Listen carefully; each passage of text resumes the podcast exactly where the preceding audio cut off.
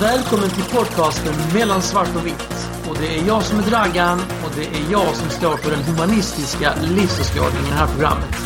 Och det är jag som är Thomas och är den kristne tvivlaren och skeptikern.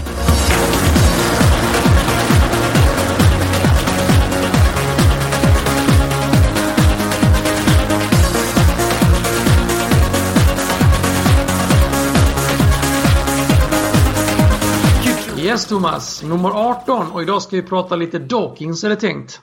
Jajamensan. Men innan Dawkins så vill du ta upp ett tweet här. Vi fick ett tweet från vår kära trogna lyssnarinna Carolina Coriander och hon klagade lite på att vi hade vi hade egentligen bara massa gubbar i vår podcast, för jag hade inte haft någon kvinnlig gäst än. Och hon har ju faktiskt helt rätt. Hon har ju helt rätt. Det är någonting som jag har funderat på men jag har, liksom, har inte kommit...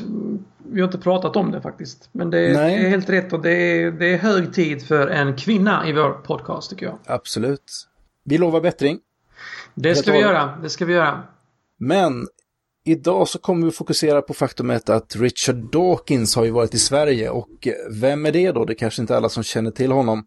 Jag måste erkänna att det gjorde inte jag heller faktiskt för ett en liten tid sedan bara. Eh, Richard Dawkins är evolutionsbiolog och han är professor, eller har varit professor vid Oxford University i många år eh, för Public Understanding of Science. Eh, och han är också mycket känd som en av ateismens främsta förespråkare och kom 2006 ut med boken Illusionen om Gud som har sålt i två miljoner exemplar världen över. Ehm, och ja, det är ett kärt barn som har många namn. Benämner honom kallar som... han sig för antiteist? Ja, det tror jag inte han har någonting emot. Han kallar sig nog både som humanist ja. och ateist, religionskritiker. Mm. Eh, när han var på Skavlan nu så blev han inkallad som Guds huvudmotståndare på jorden.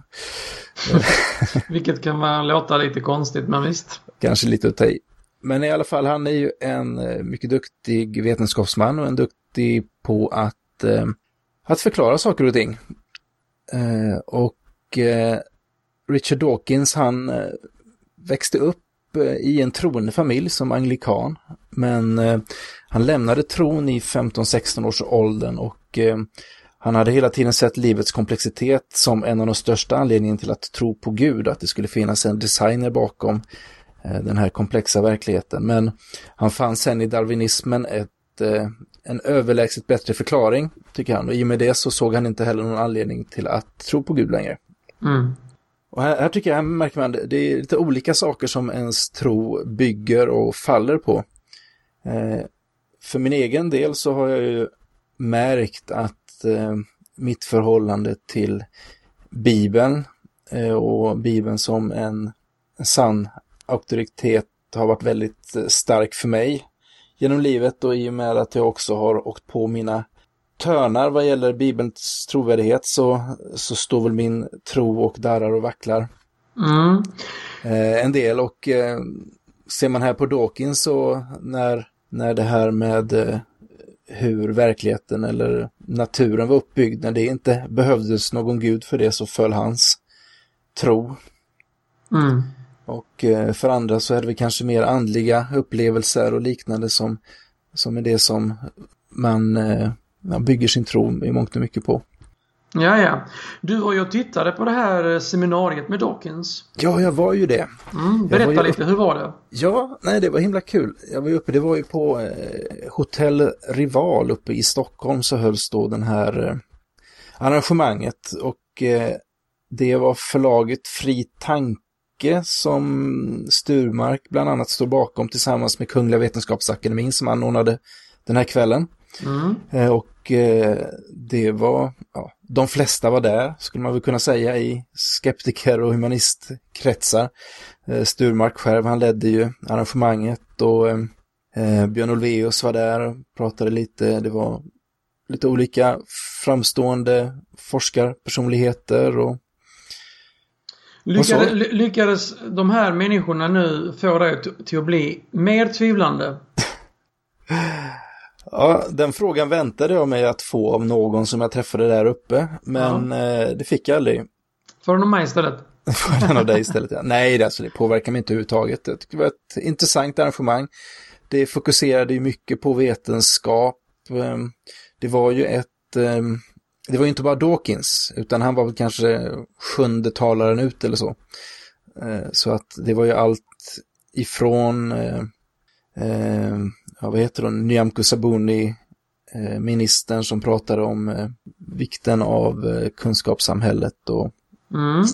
och så. Sen så var det någon dansk forskarinna som pratade väldigt intressant om, om neuro, eh, neurovetenskap och eh, även om eh, genetik, möjligheter för framtiden, hur man kunde, ja, saker och ting som skulle ställa mycket på ända när vi kan påverka våra gener och våra neuroner i hjärnan.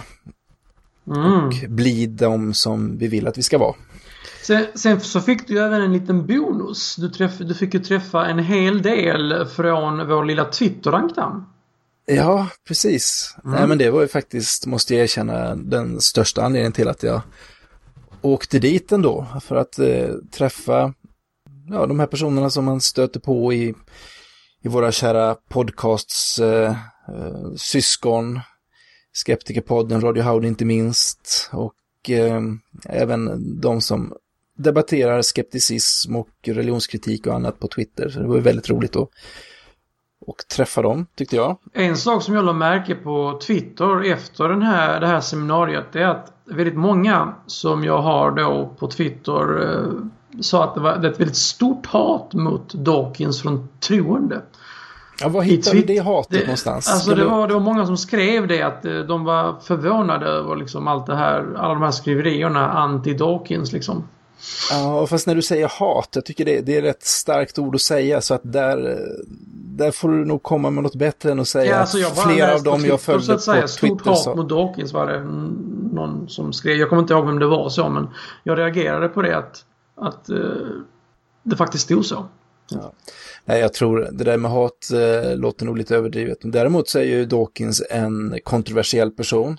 En ja. person som eh, inte skräder orden ofta, eh, utan han säger vad han tycker och eh, han kan också kanske vara rätt så kategorisk och eh, en del kan nog uppfatta honom som nedlåtande. Eh, det kan man ju tycka vad man vill om, så att det är klart att det kan eh, att det eh, väcker känslor. Jag tror inte att det är så mycket hat, men däremot kan man ju vara av en annan åsikt.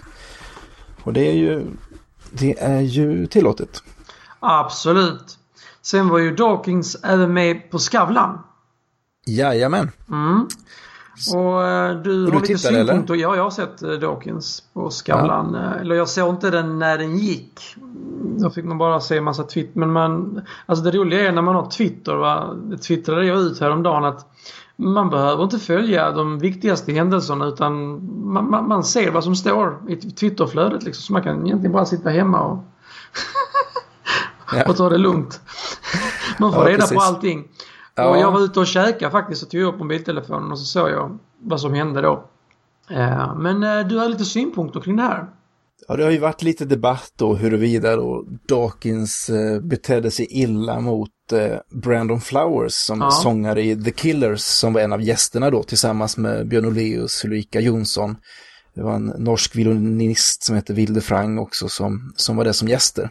Mm. Och eh, det slutade ju, eller det blev ju en situation sen då där Dawkins eh, gjorde uttalanden och, eh, och förklarade vilken uppenbar fake mormons bok var, som då är den heliga boken för eh, mormonerna bland annat. Och att eh, Joseph Smith, eh, profeten och grundaren, var en charlatan och så vidare. Mm. Eh, och det har ju varit lite olika åsikter om huruvida det var, ja, hur pass snyggt det var eller inte. Och vad tycker du?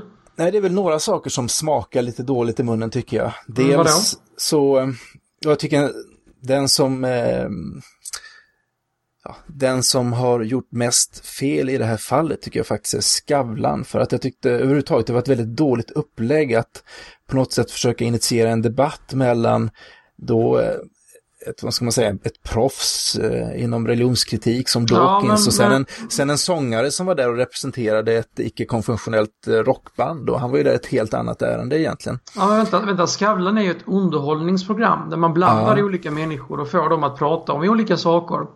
jag ser inget fel med det som Skavlan gjorde. Möjligtvis så kunde han ju tajmat det lite bättre där sångaren inte behövde försvinna så snabbt. Där de kunde liksom prata lite mer om det. Jo, visst. Skavlan är ju ett underhållningsprogram och frågan är hur pass mycket underhållning det blev. Alltså det, jag tyckte det var rätt... Eh, det blir rätt taffligt eh, på det hela taget. Och, eh, som jag sa, det var Skavlan egentligen som eh, försökte göra det här upplägget på något sätt. Han såg ju där att han hade två stycken ateister i Björn Ulvaeus och eh, Richard Dawkins och sen hade han då en en, en troende artist och då försökte han ju skapa någon slags grund för en debatt. Alltså gjorde han det egentligen? Jag tyckte han bara liksom frågade lite frågor vad som föll, föll in sådär lite och så blev det ja, som men, det blev. Ja men ser man hela samtalet så går han ju direkt, han börjar med att påpeka att eh, den här sångaren är från Las Vegas och hur det är förknippat med synd. Och sen ja. går han in på att han är troende och så ber han honom förklara vad som är bra med hans tro för Björn Ulvaeus då som är ateist. Ja. Eh, och sen när han säger då till honom då att ja, känner du att du behöver representera mormonerna när du är ute och turnerar eh, så, då, då säger då Brandon att eh, ja, det är ju svårt nu bara för jag är ute och representerar det här bandet eh, som då inte är konfessionellt och jag får frågor om min tro. Eh, om man tänker, där är ju bandmedlemmarna, de har åkt dit hela bandet och de ska uppträda ja. och då får deras sångare då som är av en viss religion då en massa frågor om sin tro. Jag kan tänka mig att de flesta av dem hellre skulle att ville att de diskuterade deras musik eller någonting annat. Men, men visst, det är alltid personen som är där som, som blir den intressanta om man säger så. Ja, jag eh. tycker att jag, jag känner igen det här upplägget från Skavlan att liksom han, eh, det är inte alltid han tar upp frågor som, som, som ska ställas kanske just till en musiker utan han tar upp helt andra frågor som kommer från andra gäster så att i den bemärkelsen så har han ju följt sin sin grej liksom. Jo, det kan jag förstå. Men samtidigt och sen, här så... sen är det ju inget debattprogram heller utan det är ett underhållningsprogram. Jo, och här, det är ju inte så att han har några olika personer och sen tar han upp att nu ska vi diskutera vad kärlek är eller att man får olika tankar. Utan här har han ju då en, en artist som har en lite ovanlig tro som man kanske får säga att eh, mormontron är. Och sen så har han inne då världens främsta religionskritiker eh, och sen så får han en eh, ja, en, en lyra och, och smasha på kan man säga. Ja. Och det, jag, tycker, jag tycker att eh, jag tycker det är helt okej okay att, eh, att ifrågasätta trosdogmer eller heliga skrifter och, och eh, ja, inte minst i det här fallet, alltså det finns mycket att säga om, eh, om mormonhistorien och, och mormonsbok och så vidare, men att i ett, i ett sånt format eh, underhållningsprogram på det sättet tycker jag inte att det passade bra. Men alltså jag, jag förstår också Dawkins, jag menar han, Nej, han, kan in... inte, han kan inte hålla tyst när han hör något sånt och det, det förstör ju honom också. Alltså han, det är hans plikt att, att, att, ja, berätta, fast... att berätta. Men han den här så, uh, Killersång, han verkar ju inte veta om det här att det är en fake. Liksom. Det, ja, det verkar som det var något han, nytt. Han vet väl om han vet väl om en hel del om, om sina um, skrifter och så vidare. Sen så har han ju dragit en annan slutsats. Ja. Um, och, uh, och visst, det finns säkert saker som han kanske inte känner till som han skulle vara behjälpt av att känna till också. Men det är ett, um, det blir, det blir ett knepigt sammanhang och... Uh, alltså ur ett underhållningsperspektiv så är det nog inte fel tycker jag. Men det är himla tacksamt också att hugga på en ung vit amerikansk mormonkille. Jag menar, det skulle varit mycket mer intressant om det var en muslimsk kvinna eller en urinvånare med stamreligion eller en judisk överlevare från koncentrationsläger som satt där istället. Skulle det ja, varit lika rätt då? Ja, fast det är ett helt annat program. Av... Inte, inte ja, Skavlan. program? Jo, men alltså... Alltså han... Det är ju inte den typen av debatter som, som, som Skavlan eh, liksom initierar. Utan Nej, men... det, det, är ju oftast, alltså han vill ju, han vill ju ta in ett helt annat samtal. Nu var det ju en religionskritiker och en musiker liksom. Det, det, det ja, visst, det men om det skulle varit en muslimsk och... kvinna där istället, skulle det varit lika rätt för, för Dawkins då att helt plötsligt börja prata om Koranen och hur felaktig den är eller om Muhammeds vara eller inte vara. Fast just när han, han tog upp det här med att det var en fake-bok och sen så Sen så den här mm, The Book of Mormon att den, att den är fake. Sen tog han ju även upp eh, Koranen och Bibeln och sa att de är ju inte fake på det sättet. Så han jämförde ju Ja, visst, men det, han skulle ju ändå kunnat eh, gått på någonting annat på någon av någon annan tro som satt där som han skulle sitta och konversera med några minuter i, i tv. Det, mm, alltså jag förstår också, han är ju, han är ju ditbjuden som Guds huvudmotståndare på jorden. Det är så han blir presenterad när han kommer in och så sitter det en mormon där som en munsmitt som han då på något sätt eh, måste förhålla sig till. Nej, alltså jag kan inte se något fel i det, i hela grejen. Jag, jag tyckte det var helt okej. Okay. Alltså jag, jag ser ingen... Jag tycker det var, det var underhållning och det var vad folk ville ha. Liksom, liksom en, en, en, ja, deba en, en debatt bland två experter, det, det, är liksom, det är inte Skavlan. Då, då får vi ta Nej, programmet debatt. Nej, men nu är det ju en expert här och sen så är det en eh, ja, det, ja, men det vanlig kille det. som blir bankad i huvudet. Det formatet funkar i Skavlan. I ja, men samtidigt så tycker du inte att det skulle vara lika okej okay om, om det var en eh, en judisk överlevande för koncentrationsläger som hade suttit där och pratat om sina erfarenheter. Kanske innan då Dawkins kom in och sen kommer Dawkins in och sen så börjar han prata om eh, om eh, Jave i Gamla Testamentet, om hur han har sanktionerat massmord och så vidare och, och kanske säger att ja, det är inte mycket bättre än vad nazisterna gjorde. Du, men, du, du drar den jämförelsen så att säga om det hade varit eh, lika... Vad menar du? Alltså, Men, alltså, det där hade ju bara varit osmakligt. Ja, det hade varit osmakligt. Därför att? Därför att eh, just med de här massmorden och, och, och det som har hänt historiskt liksom. Han, alltså en, en, en bok som är fake liksom. Alltså, ja, men du tycker ju Bibeln är fake. Eh, alltså Bibeln som, som sagobok är ju inte fake. Men den här mormonboken är ju fake som sagobok också. Alltså det blir ju, det är liksom det är så det är ingen, äkta till, sagobok, liksom, det, är, det är en fejkad sagobok. Ja, det, men det, det är det han sa ju. Att, ja, men var går gränsen mellan en, en, en äkta sagobok och en fejkad sagobok? Var gränsen går? Ja. Jag menar alltså, om du, om du kollar på den tiden, alltså den tiden när, när Bibeln var skriven. Det finns ju evidens att den var skriven då. Men den här Book of Mormon, den, den hade ju Richard Dawkins, eh, alltså massa bevis på att, att, att det var en, den var inte skriven när, de, när den sägs vara skriven. Den var skriven av en han var ju till och med någon kan. Vad var han? Han var någon skurk den som har skrivit den. Det var något sånt. Du, du nämnde det tidigare. Han, han pekar som, på att Joseph Smith, eh, profeten då, eh, skulle... Var kriminell liksom. Blivit fälld för, eh, för någonting ja. Ja, och precis. Eh, det har jag också läst någonstans, jag kommer ja. inte ihåg det i detalj. Men, men, det, men det är, är ju ändå så... saker att ta upp liksom. Ja visst, men, men jag menar, det är ju ändå så att... att uh... Hade det varit okej okay att ta upp, uh, så du, du, gillar ju inte de här scientologerna. Om man hade gjort likadant mot en scientolog, hade det varit mer okej? Okay? Nej, alltså det är väl samma sak där om, om han skulle varit scientolog, han som satt där och var, var sångare eh, i, i, ett band. Mm. Och, och eh, om man angrep dem med sin lilla sci-fi religion liksom. Ja. Uh, hade det, hade, Nej, hade, hade det varit okej eller hade varit lika illa? Nej. Alltså, som jag sa innan, jag tycker att den, den stora det stora felet är, är formatet och... Eh, ja, du ser det som en fel? Skavlans upp. Mm. Ja, men jag, jag, ser det som att det var fel tid och plats. Det var lite tid och ja. det kändes som det var fel plats. Ja. Um, jag ser som sagt inget fel i det. Jag, jag, alltså så har han alltid gjort eh, i många andra men sen det, det, som jag tyckte var fel det är att han skulle upp scenen och sjunga. Så ja, det, det blev så abrupt slut det kan liksom med det hela. Det antar jag att du kan uh, sätta dig in i om du ska sitta, om vi säger att du sitter i en, uh, en intervjusituation här ja. innan du ska upp på scenen mm. och plötsligt så blir någonting som, som du håller för kärt uh, kraftigt attackerat. Ja, men jag, jag, eh, och och alltså, du har inte någon möjlighet egentligen att försvara dig bara för att eh, det är inte reserverat någon tid för dig utan ja, du ska det, upp på scenen. Det är väl det enda i så fall som jag kan tycka var lite dåligt.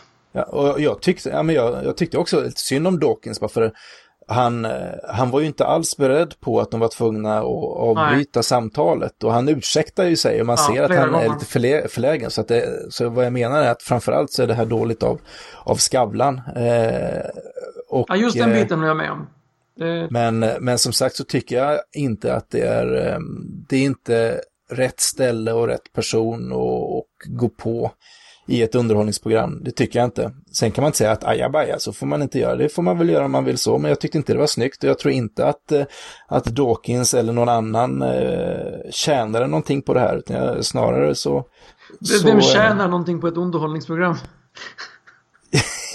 ja, de som säljer reklamen. Ja, i det här nej, fallet det så var det ingen reklam, det var SVT. Nej, men jag menar ett samtal kan ju ändå leda fram till någonting, en större förståelse eller någonting. Men, alltså, nu fick han men nu blir lite, det bara pajigt. Men, men, men, nu fick han kanske lite, den här sångaren, han fick kanske lite tankegods hem. Ja men kära barn. På. Kära barn, vad är han? Han 30 bast. Han måste ju träffat på hur många personer som helst som har kunnat säga det ena eller det andra. Det är inte säkert. Mormonismen. Eh, jo, innan, innan, det, det här, innan det här så jag visste faktiskt inte om att den här mormonboken var en obvious fake ja. som eh, Dawkins. För, för, för, mig var det nyheter. Ja.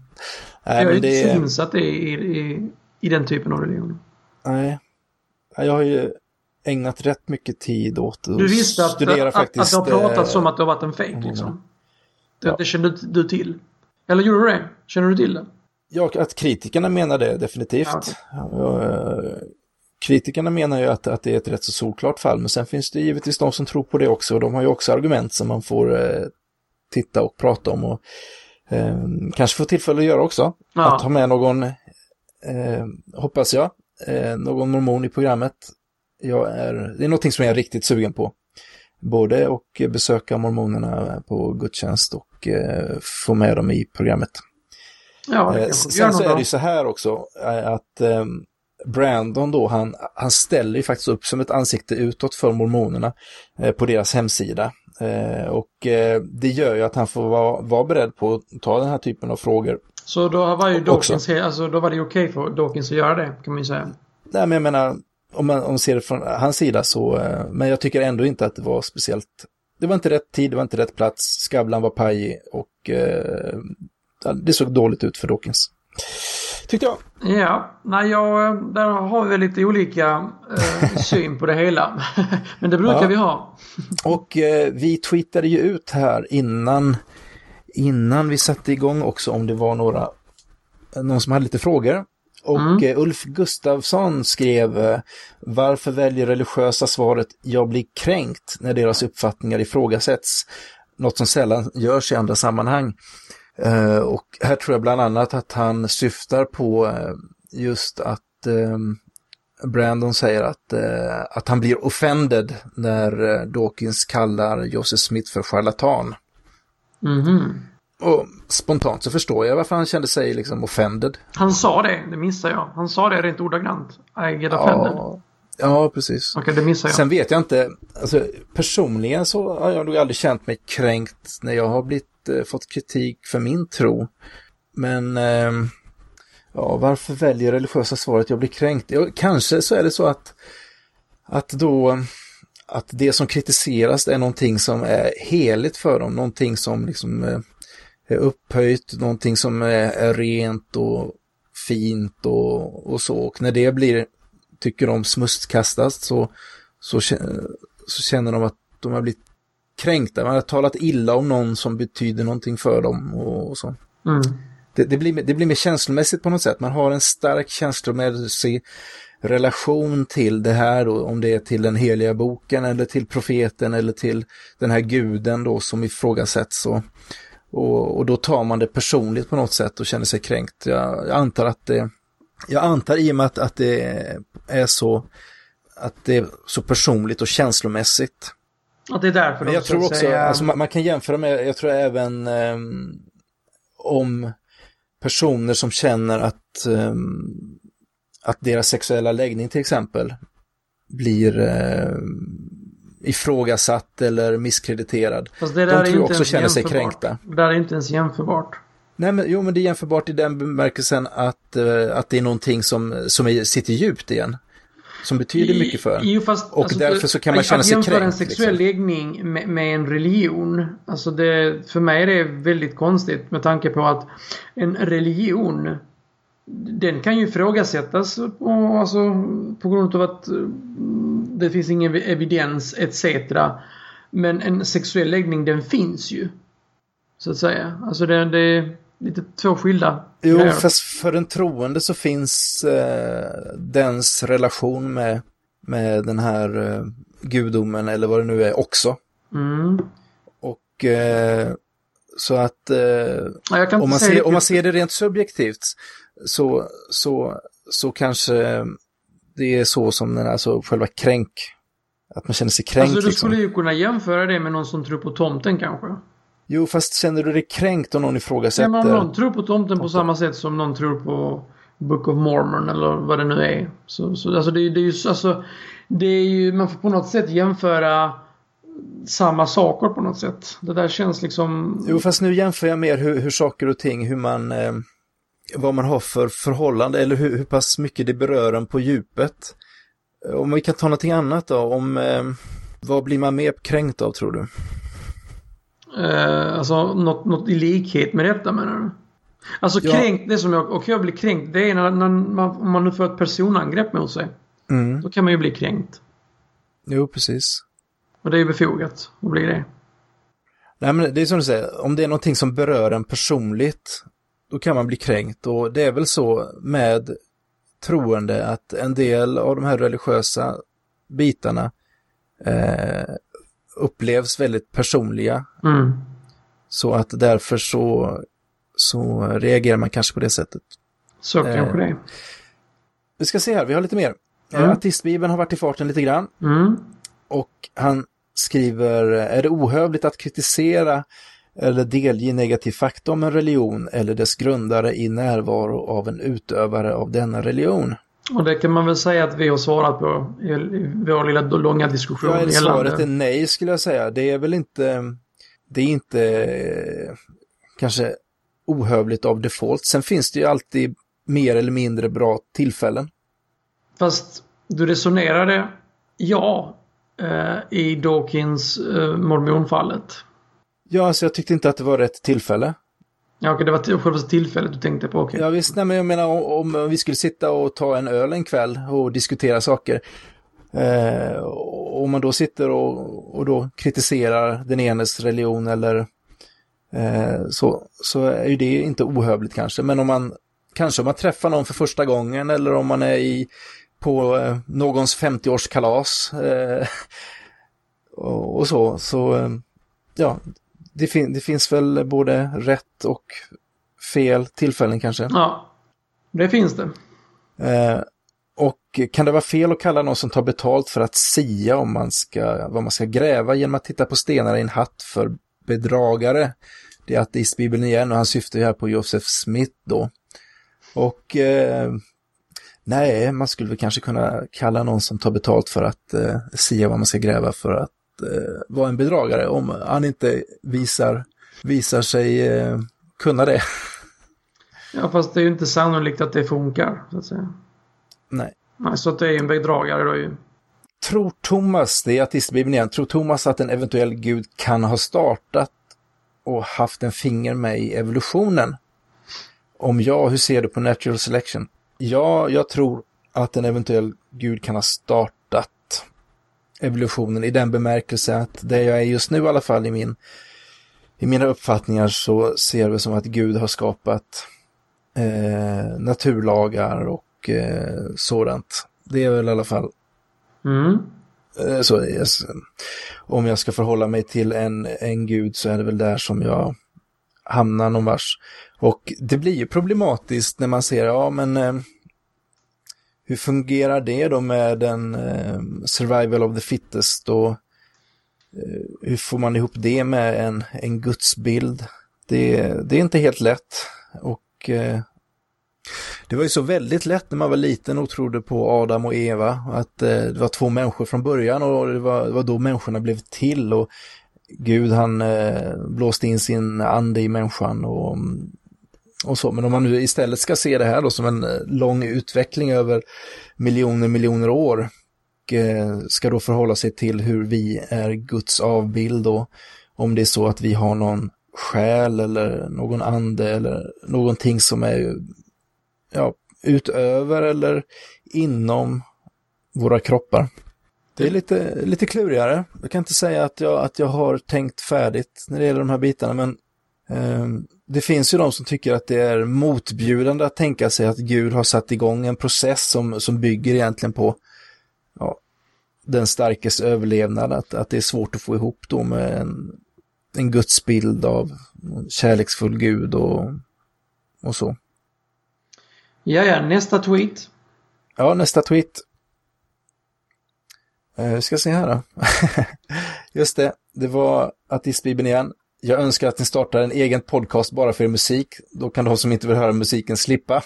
Det där tycker jag var intressant för att eh, det finns ju de som eh, har tweetat in annat också gällande just musiken.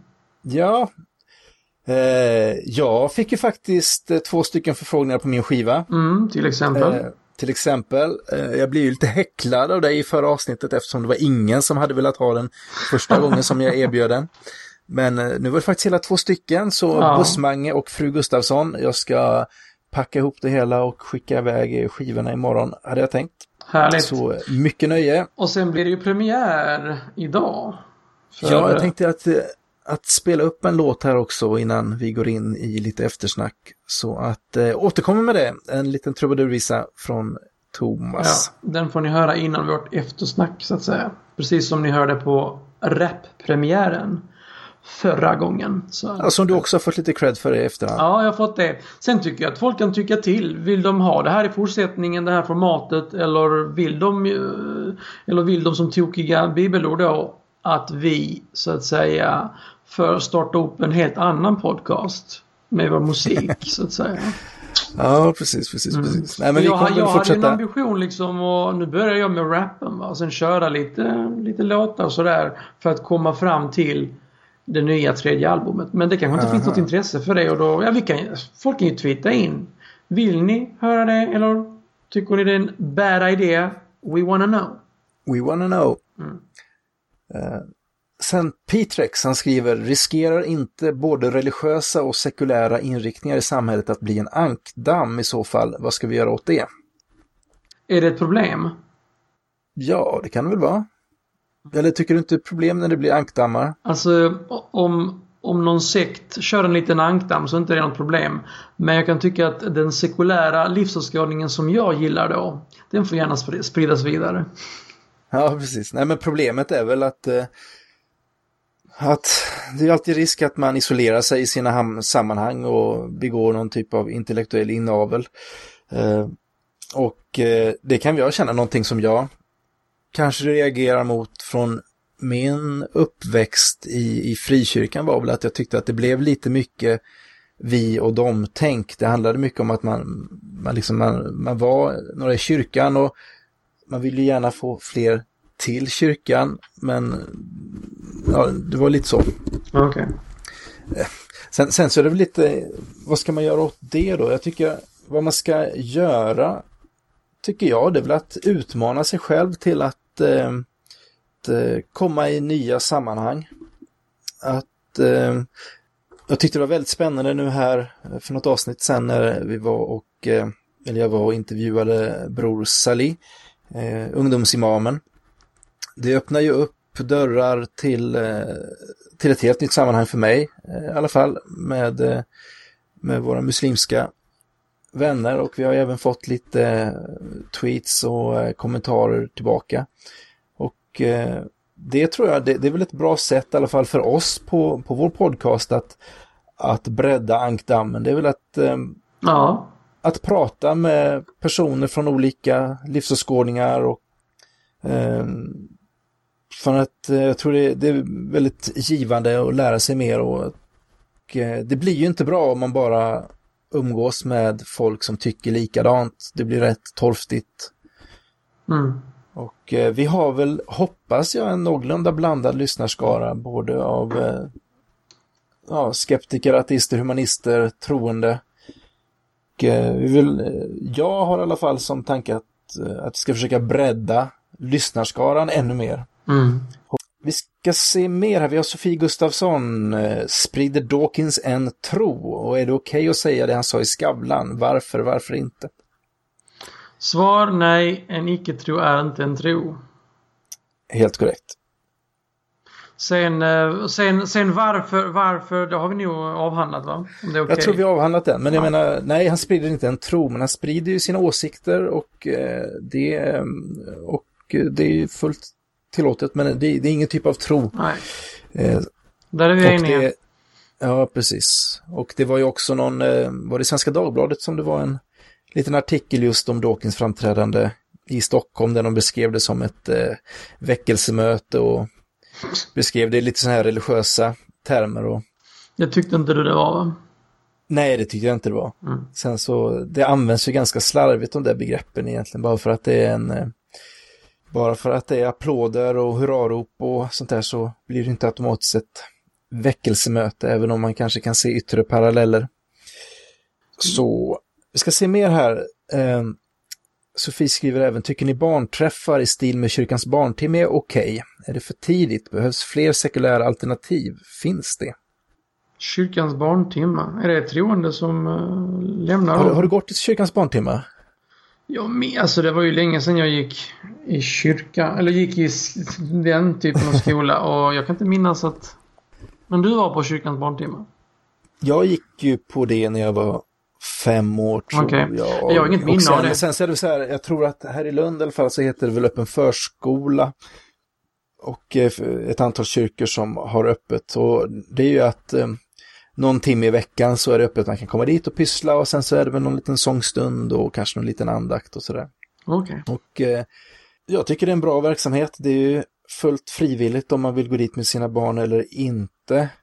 Eh, behövs fler sekulära alternativ? Ja, det skulle jag tro. För ja. jag har fullt förståelse för de som, som inte kanske känner sig hemma i den miljön. Och eh, sen har ju kyrkan fortfarande resurser och eh, det är väl lite svårare för andra verksamheter fortfarande på dagtid sådär. Sen finns det ju mycket annat för små barn, mulleskola och sånt där. Men det, eh, jag vet på biblioteken har de haft lite sådana här saker också. Eh, man kan gå dit. Och det är väl kanske ett alternativ. Ja. Sen så eh, är det väl någonting som humanisterna kanske får lägga på sin agenda eftersom man vill skapa sekulära alternativ inom olika områden.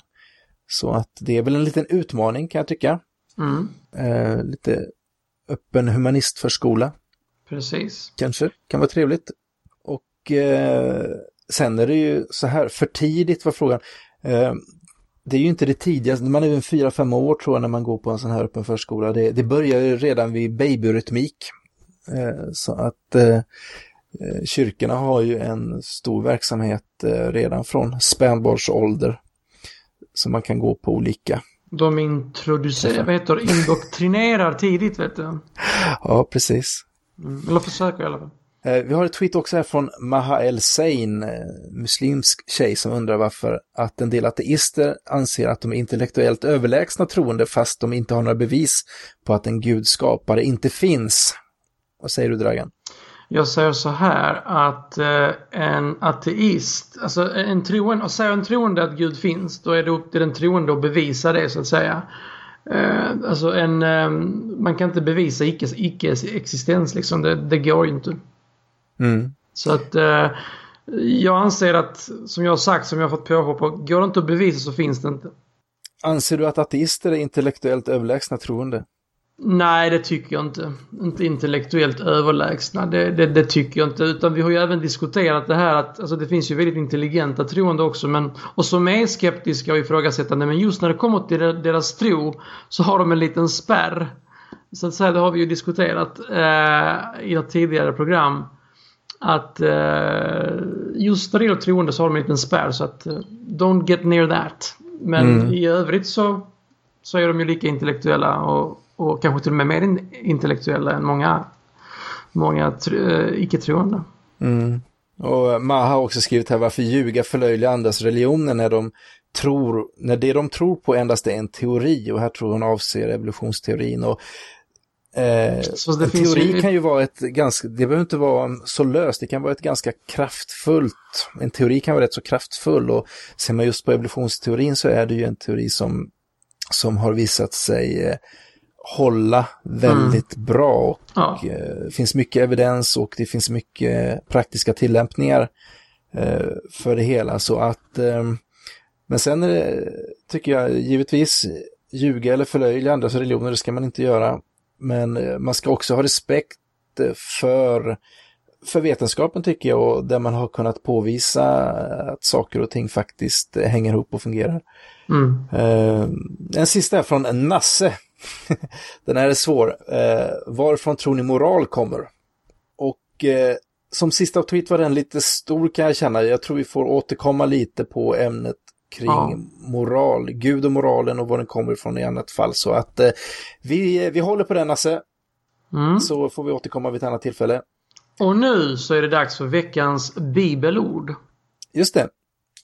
Och eh, veckans bibelord är hämtat från Matteus kapitel 5, vers 44-48. Och eh, Jesus sa Älska era fiender och be för dem som förföljer er, då blir ni er himmelske faders barn. Var fullkomliga så som er fader i himlen är fullkomlig. Ja, vad ska vi säga om det Thomas? Alltså det jag tänker på när jag läser den här, eh, det jag vet att du har också fört fram rätt hårt i tidigare avsnitt just att eh, ja, hur mycket det är religionens fel, eh, en massa krig i världen och, ja. och liknande. Och skulle man ta Jesus på orden här då, att älska era fiender och be för dem som förföljer er. Det känns ju som att eh, om man då i, i kristendomens namn istället startar krig och gör annat elände, då har man ju inte lyssnat så bra på vad Jesus säger här. Ja, det kan man väl säga. Man kanske bör, bör uh, understryka de här orden i Bibeln. Den ny, ny, alltså nästa utgåva. De, de, kan vara, de kan vara markerade i fet stil. det tycker jag. Så, alla, alla i, syfte, I syfte att, uh, att det inte ska bli fler krig i världen. Mm. Nej, men det, det, är rätt starkt ändå, tycker jag, de här orden. Att, att, man ska, att man ska älska sina fiender och be för dem som förföljer en. Det, det är kanske inte det som, som är... Eh, ja, det som ligger närmast till hand. Om det är någon som... Eh, det är lite svårt att göra om man säger som så. Det är svårt att göra. Men det, ja, det var rekommendationen här enligt eh, Jesus-sagan i Matteus 5. Yes. Och då kommer eh, veckans Atheist Quotes. Och det lyder så här. Love life, not the afterlife. It stands to reason. Och det är då Ian S. Fielding som har sagt detta. Mm. Ja, vad tycker du om det Thomas? Nej, det kan jag väl skriva under på, kan jag tycka. Eh, jag är väl rätt så mycket så att jag eh, fokuserar väl snarare på det som är här, eh, livet som vi lever. Jag är inte övertygad om att det finns något efterliv.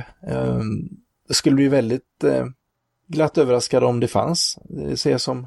Du ser det som en bonus sen efteråt? Jag ser det som en bonus. Men jag tycker livet är en fantastisk gåva.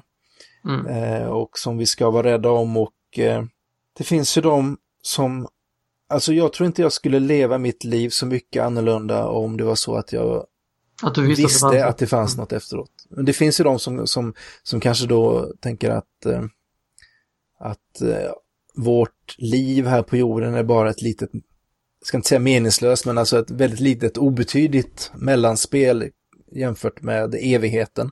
Ja. Och att man då kanske eh, försakar en massa saker i livet för att få någon typ av eh, payback i eh, efterlivet. Kanon! Det var de eh, citaten. Och nu är det lite music time. Nu är det lite music time. Lite, och... lite Cornelis wannabe, eller?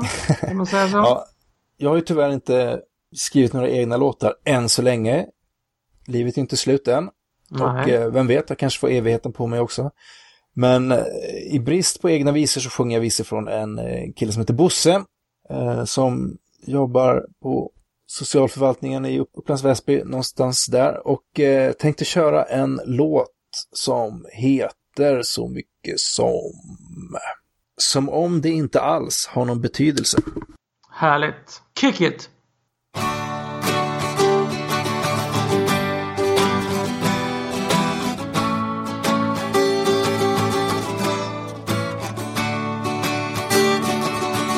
Alla befinner sig på sin egen kant. Nästan inga finns som tycker likadant. Alla tycker olika om vad det är som är sant. Som om det inte alls har någon betydelse. De säger varför måste alla ha något att tro på? Varför måste man man veta vad allting beror på. En bild av Lenin eller ett gammalt kors att sitta och glo på. Som om det inte alls har någon betydelse. Men alla vill ju få sin själ att flamma. Med upplevelser som alla bör och kan ha. Med hjälp av LSD eller Gud, det gör detsamma. Som om det inte alls har någon betydelse.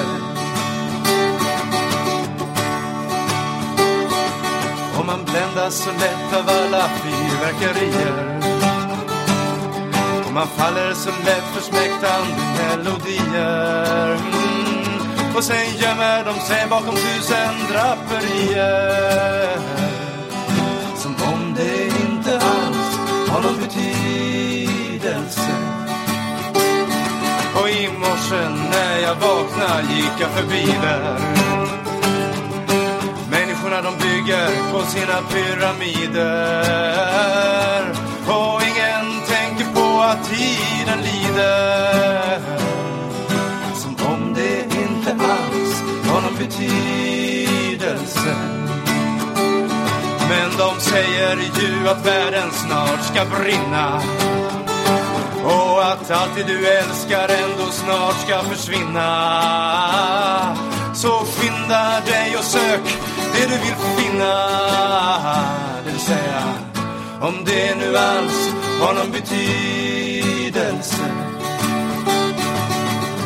Om det nu alls har någon betydelse Om det nu alls har någon betydelse Om det nu alls har någon betydelse Ja, Thomas. Det var din lilla Cornelis wannabe-låt alltså. Helt enkelt. kan vi kalla det. Ja, det var väl, eh, det kan ha varit en 12 år sedan eller sånt där som det spelades in. Jag gillar strofen där du nämner Lenin faktiskt. Vad sa du? Jag gillar den här strofen där du nämner Lenin. Det var Ja. lite kul. Med hjälp av Lenin eller ett gammalt kors och sitta och glo på. Den ligger fint i munnen. Ja, ja, nej men ehm, respekt. ja, ja. Vi får väl se, det kanske blir sista gången ni hörde ett musikaliskt inslag här i Mellan svart och vit. Det beror helt enkelt på vad Twitterstormen säger eller Facebook eller hur ni nu väljer att ta kontakt med oss. I det här fallet så bestämmer ni faktiskt. Ja, Mm. Vi, vi, ger, vi ger besluten i era händer. Beslutet får för, för vila i era händer helt enkelt. precis. Vi blottar vår nacke. Mm. Mm. Vi, eh, ja. Väldigt sårbara just nu. Men vi, vi, vi tar det som, som, eh, som riktiga karar. Ja.